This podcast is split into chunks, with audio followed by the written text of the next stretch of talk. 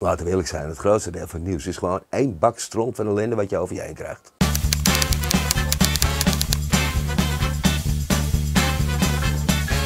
Je staat met je kind voor het spookhuis. En voordat je in dat karretje gaat zitten, dan zeg je tegen hem: Oké, pik, luister. We gaan dat karretje straks in en als we naar binnen gaan, dan is het een beetje donker. Dat komt doordat het lichtknopje uitstaat. We maken er gelijk een bocht naar rechts en in die bocht dan begint er een stroboscoop enorm te knipperen en je hoort een hoop gebrul. Je ziet dan ook een namaak doodkist en die zie je, die klep, die zie je open gaan. Oh ja, en met een touwtje, dan komt er uit die kist dan een geraamte omhoog. Die is gewoon van plastic hoor, maak je niet druk. Maar als je er zo over nadenkt, is het toch helemaal niet leuk om naar een spookhuis te gaan. Dus denken we er niet over na en kletsen we gewoon dat karretje in en we zien wat er gebeurt. Ja, en dat doen we alleen maar omdat we weten dat we zonder kleerscheuren en aan de andere kant weer uitkomen. Zo, dat was dat. Niks aan het handje, huppakee, zakenspinnetje.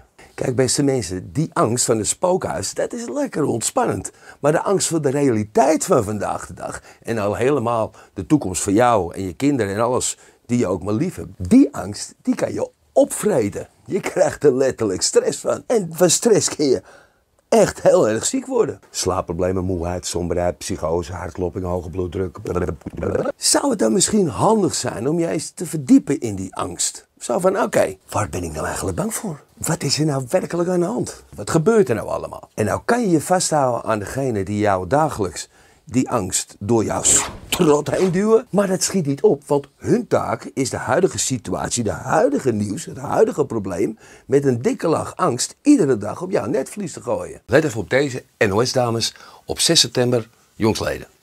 we horen natuurlijk veel mensen die zich grote zorgen maken om die inflatie en die toch willen weten waar eindigt dit. Is dat te zeggen? Nou, het eerlijke antwoord is nee, dat weten we gewoon niet. Economen die verwachten wel dat de inflatie nog een paar maanden heel hoog blijft en daarna uh, weer zou gaan dalen. Uh, maar ja, het zijn natuurlijk hele gekke tijden. Eerst met die coronalockdowns, nu die oorlog in Oekraïne, de haperende gasleveranties. En uh, eigenlijk had deze hele hoge, extreem hoge inflatie ook niemand zien aankomen. En toch zitten we er middenin. Dat is niet waar, mevrouw. Die mensen die waren er wel. Het probleem was alleen dat jullie die mensen niet wilden laten zien. Jullie wisten misschien wel het bestaan van die mensen, maar dat was geen nieuws, want het was de toekomst. En over de toekomst hebben we het niet. Maar ga dan nu niet zeggen, wie had dit kunnen weten? Nou, hun.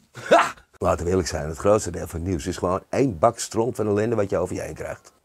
Het was onze eigen Beatrix. -ta -ta ta ta ta. Oh nee, dat is Frankrijk. Nee, Bea die zei in 1999 de leugen regeert.